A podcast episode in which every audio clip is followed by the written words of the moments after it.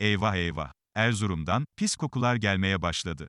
Belediye başkanı ve dört gazeteci tarafından dolandırıldım mağdurum, pankartıyla eşi ve çocuklarıyla birlikte Ankara'ya yürümeye çalışan Erzurumlu iş adamı Selahattin Dumanay'ın iddiaları yenilir yutulur gibi değil.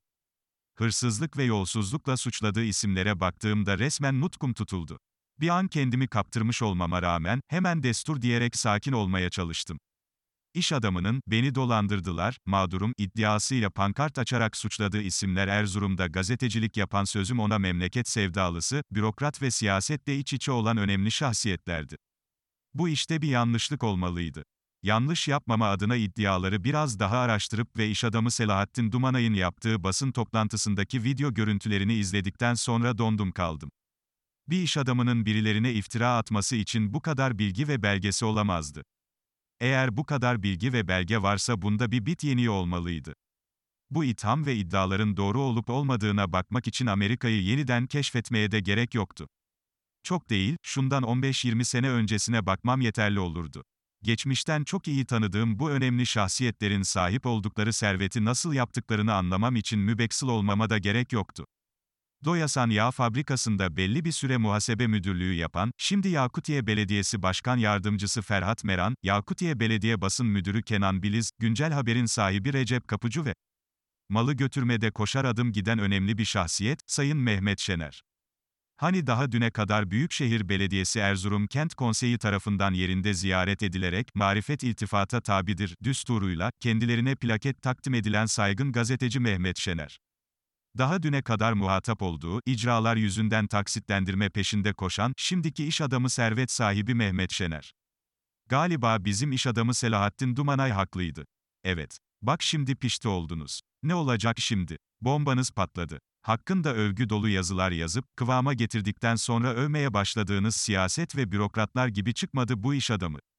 Sert kayaya çarptınız. Adamın geri vitesi yok. Benden söylemesi. İş adamı Selahattin Dumanay'ın iddiaları yenilir yutulur gibi değil. İddialar kan donduracak cinsten. Siz değerli sarı basın kartı sahibi Erzurum'un saygın iş adamları, ortada dönen belge ve iddialar hakkında ne diyeceksiniz? Adamın konuştukları insanın kanını donduracak nitelikte. Adamın canı yanmış resmen. Erzurum'da sesini kimseye duyuramayan iş adamı Selahattin Dumanay, çareyi pankart açarak Ankara'ya yürümekte bulmuş. Erzurum'da gazeteci olmak. Şimdiki örneklere bakarak, Erzurum'da gazetecilik yaparak para mı kazanmak istiyorsun?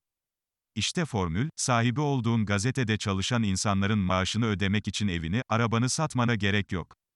Yapacağın şey şu, tüyü bitmemiş yetim hakkı üstünde oturan badem bıyıklı namussuzlar hakkında yazabildiğin kadar yaz. Vurabildiğin kadar vur, anlamlı anlamsız, önemli değil. Onlar ve onların sahip olduğu iş ortağı yağdanlıklar gelir seni bulur. Orta noktada buluşmanın formülünü sana sunarlar. Bu kadar basit. Çok namuslu olmana, o mesleği çok sevmene de gerek yok. O samimi ve kutsal meslek içinde sessiz sedasız kendi hallerinde ölüp giden insanlara üzülmene de gerek yok.